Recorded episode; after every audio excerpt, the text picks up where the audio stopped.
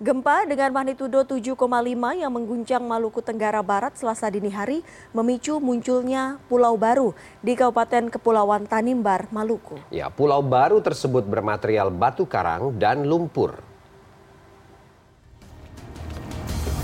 Setelah gempa dengan magnitudo 7,5 mengguncang Kabupaten Kepulauan Tanimbar, Maluku pada Rabu dini hari lalu, sebuah pulau muncul ke permukaan laut.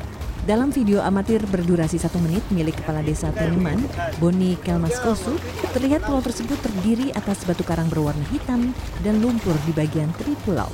Penjabat Bupati Kabupaten Kepulauan Tanimbar, Daniel Ende mengaku tidak ada larangan warga datang ke pulau baru tersebut.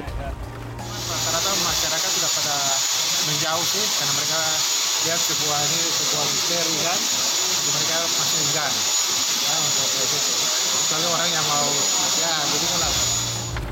Warga pun telah memasang bendera merah putih di pulau baru ini. Muslimin Abbas, Ambon Maluku.